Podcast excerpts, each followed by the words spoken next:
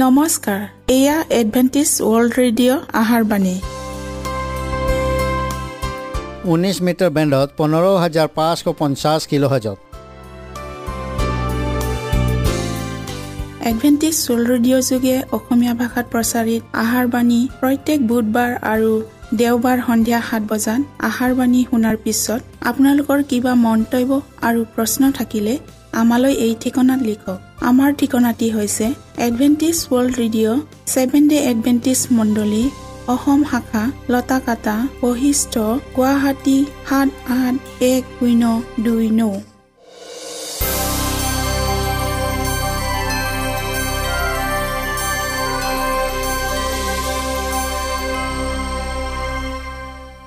প্ৰিয় শ্ৰোতা বন্ধুসকল এতিয়া শুনো আহক এটি খ্ৰীষ্টীয় ধৰ্মীয় গীত।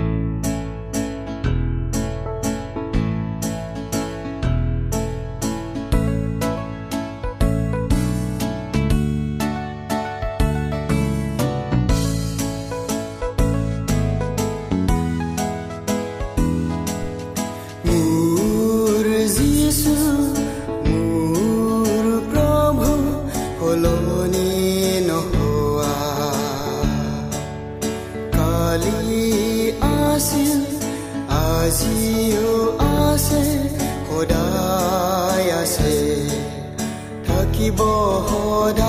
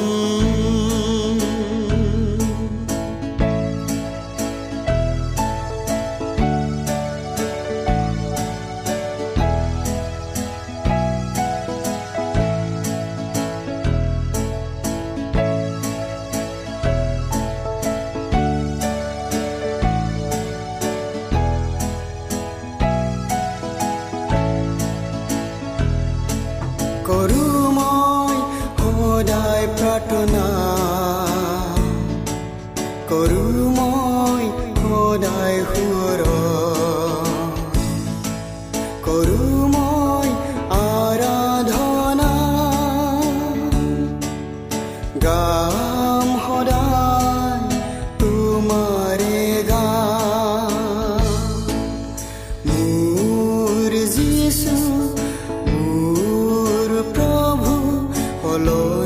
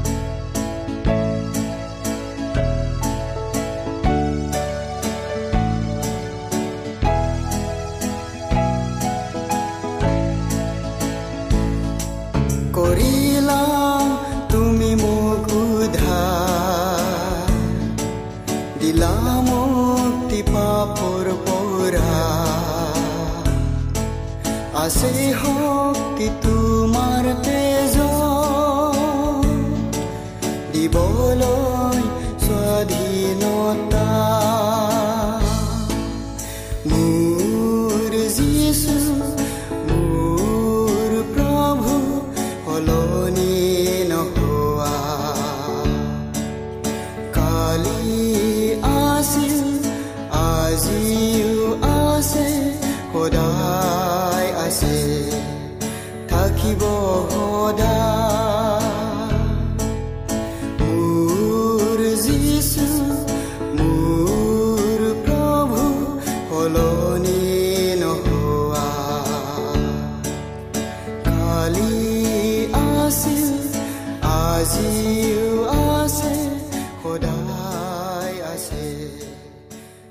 প্ৰিয় শ্ৰোতা বন্ধুসকল আহক আমি ক্ষন্তেক সময় বাইবেল অধ্যয়ন কৰোঁ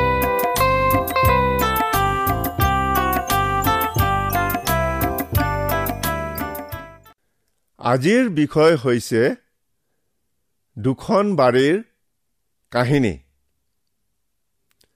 মানৱ ইতিহাসত মানুহ জাতিক বাইবেলত উল্লেখ থকা দুখন বাৰীৰ লগত তুলনা কৰিব পাৰি। প্ৰথম বাৰীখন এডেন বাৰী আৰু দ্বিতীয়খন গেটছিমানি বাৰী।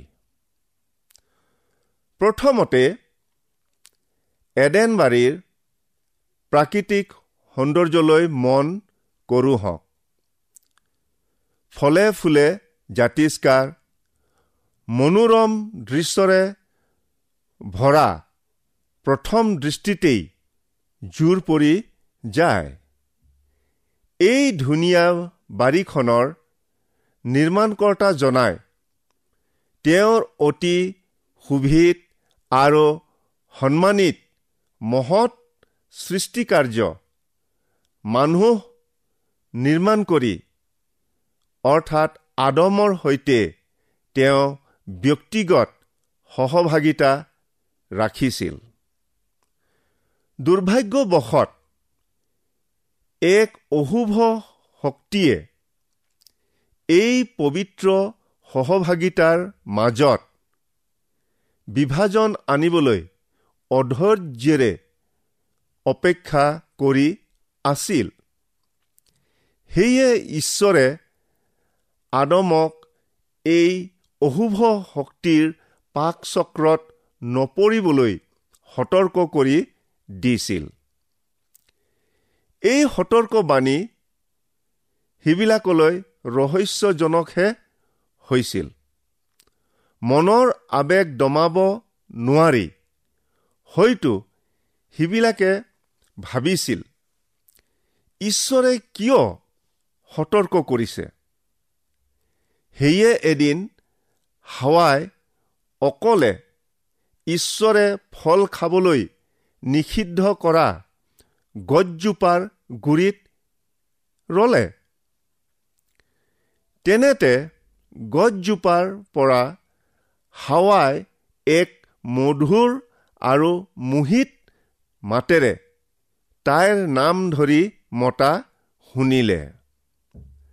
তাই মনতে আশ্চৰ্য প্ৰকাশ কৰি ভাবিলে আদমৰ বাহিৰে আৰু আন কোন আছে? বা হ'ব পাৰে তাৰ নাম ধৰি মতা ব্যক্তিজন। বাইবেল শাস্ত্ৰত উল্লেখ আছে ঈশ্বৰে নিৰ্মাণ কৰা সকলো বনৰীয়া জন্তুৰ মাজত সৰ্প অতি টেঙৰ আছিল। সি নাৰীগৰাকীক ক'লে বাৰীৰ কোনো গছৰ ফল তোমালোকে নেখাবা বুলি ঈশ্বৰে বাস্তৱিকে ক'লেনে? তাতে নাৰীয়ে সৰ্পক ক'লে বাৰীৰ গছবোৰৰ ফল আমি খাব পাৰোঁ। কিন্তু বাৰীৰ মাজত থকা যি গছজোপা আছে তাৰ ফল হ'লে ঈশ্বৰে কৈছে তোমালোকে তাক নেখাবাও নুচুবাও। তাকে কৰিলেই মৰিবা। তেতিয়া সৰ্পই নাৰীক ক'লে দৰাচলতে তোমালোকে নমৰা। কিয়নো যিদিনা তোমালোকে তাৰ ফল খাবা সেইদিনাই যে তোমালোকৰ চকু মুকলি হৈ তোমালোক ঈশ্বৰৰ নিচিনা ভাল বেয়া জানোতা হবা তাক ঈশ্বৰে জানে। তেতিয়া নাৰীয়ে সেই গছৰ ফল খাবলৈ ভাল চকুৰ লোভজনক আৰু জ্ঞান দিয়াৰ কথাটো মনোমোহা যেন দেখি তাক ছিঙি খালে। আৰু লগত থকা তেওঁৰ গিৰিয়েককো দিলে। তাতে তেওঁ খালে। পাছে সিবিলাক দুয়োৰো চকু মুকলি হলত। সিবিলাক যে বিবস্ত্ৰ তাক সিবিলাকে বুজি নিজলৈ ডিমৰু পাতেৰে আৱৰণ হিয়াই ললে। পাছে সিবিলাক দুয়ো ঈশ্বৰ জিহুৱাৰ সাক্ষাৎ নহবৰ মনেৰে বাৰীৰ গছ গছনিৰ মাজত লুকালগৈ। যেতিয়া সিবিলাকে সেই নিষিদ্ধ ফল খাবলৈ ভাল চকুৰ লোভজনক আৰু জ্ঞানৱান হোৱাৰ ইচ্ছা কৰিলে তেতিয়াই আদম আৰু হাৱাই ঈশ্বৰৰ ইচ্ছা আৰু সিবিলাকৰ নিজৰ ইচ্ছা পালনৰ দুমোজাৰ সন্মুখীন হ'ল। অবাঞ্চিত ব্যক্তিজনৰ চলাহী কথাত ভুল গৈ এই সিদ্ধান্তত উপনীত হ'ল হে ঈশ্বৰ তোমাৰ ইচ্ছাৰ দৰে নহয় কিন্তু আমাৰ ইচ্ছাৰ দৰেহে হওক। পাছে সিবিলাক দুয়ো ঈশ্বৰ জিহুৱাৰ সাক্ষাৎ নহবৰ মনেৰে বাৰীৰ গছনিৰ মাজত লুকালগৈ। অৰ্থাৎ মানুহ ঈশ্বৰৰ পৰা আঁতৰি যোৱাৰ ইচ্ছা কৰিলে। এডেন বাৰীত পাপৰ জলপ্লাৱনৰ দ্বাৰাই মানুহৰ আত্মিক স্খলন হোৱাৰ চাৰি হাজাৰ বছৰৰ পাছত আমি আন এখন বাৰীত প্ৰৱেশ কৰিছোঁ। বাৰীখনৰ নাম গেটছিমানি বাৰী। সেই ঘোপ মৰা আন্ধাৰ নিশা চাৰিওফালে নিজান নিস্তব্ধ দুই এটা নিশাচৰ পক্ষীৰ কৰ্কশ চিঞৰৰ বাহিৰে আন একোৱেই শুনা নগৈছিল। সেই বাৰীতেই এটা জুৰিৰ পাৰত মানুহ কেইজনমান অনিচ্ছাকৃতভাৱে শুই আছিল।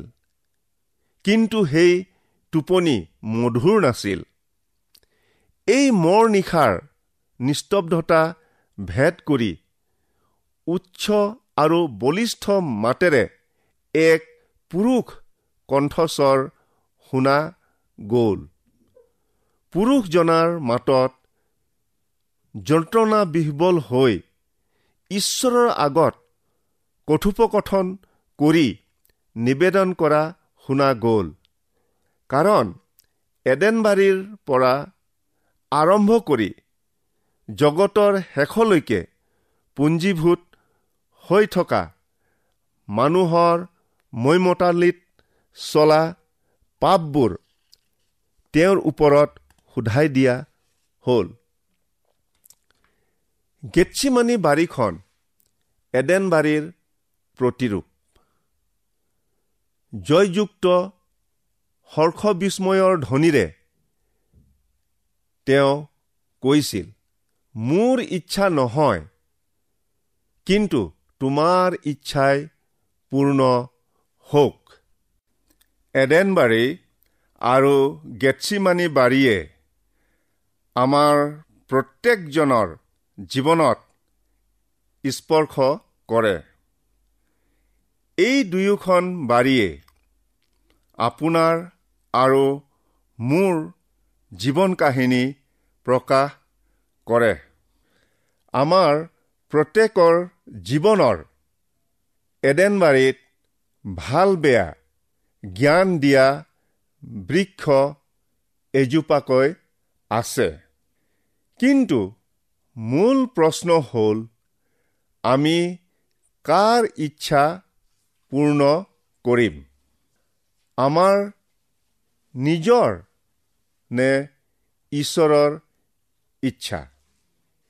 হেৰুৱা এডেনবাৰী আৰু পুনৰ উদ্ধাৰিত এডেনবাৰীৰ মাজত গেটছিমানি বাৰীখনৰ স্থান। প্ৰথম আদমক এডেনবাৰীলৈ পুনৰাই উভতাই আনিবলৈ হ'লে দ্বিতীয় আদম যীশুখ্ৰীষ্টই গেটছিমানি বাৰীত নিশ্চয় যন্ত্ৰণা ভোগ কৰিবই লাগিব। আহকচোন পুনৰ উদ্ধাৰিত এডেনবাৰীখনলৈ দৃষ্টিপাত কৰোঁ। আবেলি দিনৰ জোৰ পৰা সময়ত ঈশ্বৰে তেওঁৰ সন্তানবিলাকৰ সৈতে সহভাগিতা উপভোগ কৰিছে। কিন্তু হেৰুৱা এডেনবাৰীত মানুহ ঈশ্বৰৰ পৰা আঁতৰি বাৰীৰ গছ গছনিৰ মাজত লুকালে। ঈশ্বৰে যেতিয়া আদমক সুধিলে তুমি ক'ত আছা? এইখিনিতে ক'ব পাৰি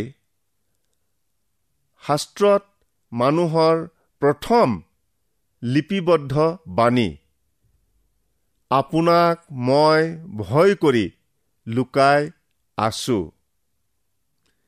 কিন্তু বাইবেলৰ শেষ পুস্তক ঈশ্বৰৰ প্ৰতি মানুহৰ শেষ লিপিবদ্ধ বাণী হে প্ৰভু যীশু আহক। বাইবেলৰ আৰম্ভণিতেই মানুহ ঈশ্বৰৰ পৰা আঁতৰি যোৱাৰ ছবি আৰু শেষত মানুহেই ঈশ্বৰক আমন্ত্ৰণ কৰা ছবি দেখিবলৈ পাওঁ। বাইবেলৰ প্ৰথম পুস্তকখনৰ তিনি অধ্যায়ত বৰ্ণিত মানুহৰ পতন আৰু গৌৰৱৰ প্ৰকাশিত বাক্য অৰ্থাৎ নতুন নিয়মৰ শেষ পুস্তকখনৰ মাজত গেটছিমানি বাৰীৰ স্থান। গেটছিমানি বাৰীখনে বাইবেলৰ প্ৰথম পুস্তকখনৰ আৰু শেষ পুস্তকখনৰ পাৰ্থক্য দেখুৱাইছে। আৰু গেটছিমানি বাৰীয়েই হেৰুৱা এডেন বাৰীক পুনৰুদ্ধাৰ কৰাত সম্ভৱ কৰি তোলে। এডেন বাৰীৰ বাহিৰলৈ উলিয়াই দিয়া পতীত মানৱ জাতিৰ আদমেই আদি পিতা আৰু সিবিলাকৰ মূল মন্ত্ৰ আছিল হে ঈশ্বৰ তোমাৰ ইচ্ছাৰ দৰে নহয় কিন্তু আমাৰ ইচ্ছাৰ দৰেহে কাৰ্য কৰিম। এই স্বেচ্ছাচাৰী মানৱ জাতিৰ ঈশ্বৰ বিৰোধী কাৰ্যবোৰ বাইবেলৰ পাতে পাতে উল্লেখ আছে। ঈশ্বৰে বাবিলত সিহঁতৰ বিশৃংখল ঘটালে।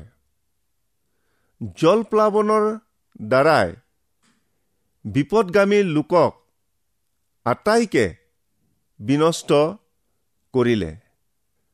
পাপত লিপ্ত হৈ থকা চদুম ঘুমুৰাবাহীক অগ্নি বৰষাই উচ্ছন্ন কৰিলে।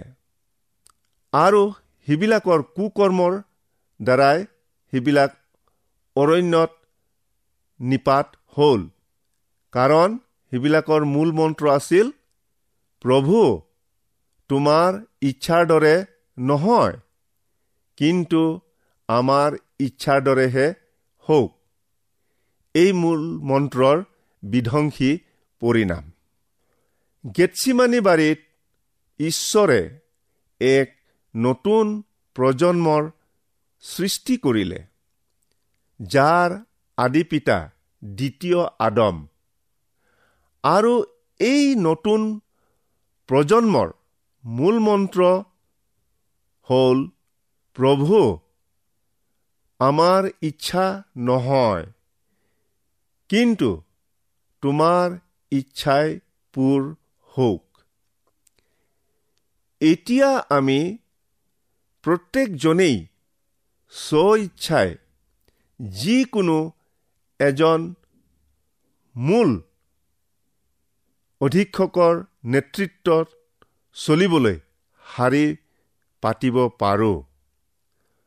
প্ৰভু তোমাৰ ইচ্ছা নহয় কিন্তু আমাৰ ইচ্ছা পূৰ হওক বুলি অনন্ত ধ্বংসলৈ এডেনবাৰীৰ আদমৰ অধীনত চলিব পাৰোঁ। নাইবা প্ৰভু মোৰ ইচ্ছা নহয় কিন্তু তোমাৰ ইচ্ছাই পূৰ হওক এই বুলি অনন্ত জীৱন পাবলৈ গেটছিমানি বাৰীৰ দ্বিতীয় আদম অৰ্থাৎ যীশুখ্ৰীষ্টীয়ৰ অনুগামী হ'ব পাৰোঁ। গেটছিমানি বাৰীতেই যীশুৱে তীব্ৰ যন্ত্ৰণা ভোগ কৰাৰ দ্বাৰাই নতুন প্ৰজন্মৰ সৃষ্টি কৰি পুনৰুদ্ধাৰিত এডেনবাৰীলৈ তেওঁৰ অধীনত চলাই নিব। এডেনবাৰীত মৃত্যু আজ্ঞা স্বাৰ্থপৰতা হতাশ নিৰাশ পৰাজয় ইত্যাদি প্ৰকাশ পায়। আৰু গেটছিমানি বাৰীত মুক্তি বা উদ্ধাৰ আত্মসমৰ্পণ আশা আৰু বিজয়ী হোৱা প্ৰকাশ পায়। এতেকে আমি খ্ৰীষ্টীয়ৰ অনুগামী হয় অনন্ত জীৱনৰ অধিকাৰী হওঁ হওক।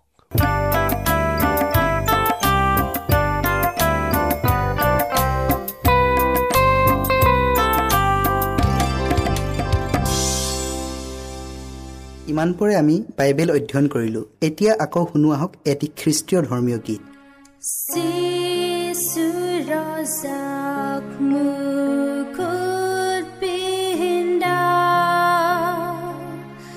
God.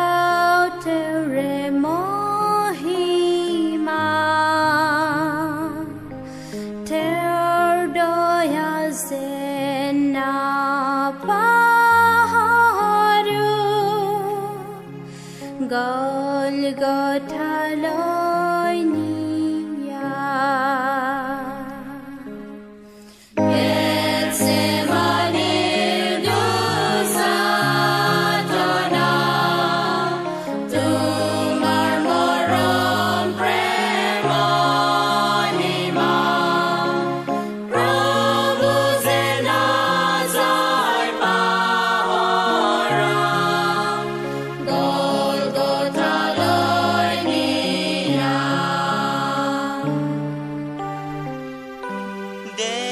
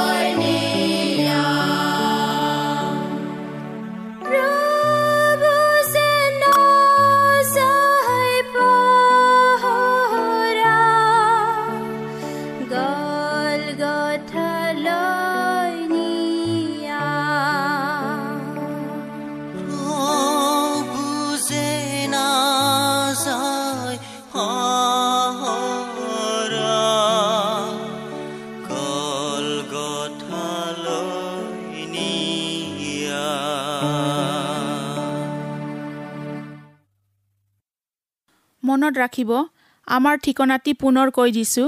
Adventist world radio' Assam region of seven day Adventist voice of hope Latakata Basistha Guwahati seven eight one zero' two nine প্ৰিয় শ্ৰোতা বন্ধুসকল এডভেণ্টিজ ৱৰ্ল্ড ৰেডিঅ' যোগে আহাৰবাণী প্ৰচাৰত আপোনালোকক পুনৰ লগ পোৱাৰ আহাৰে আজিলৈ সামৰিলোঁ। ধন্যবাদ।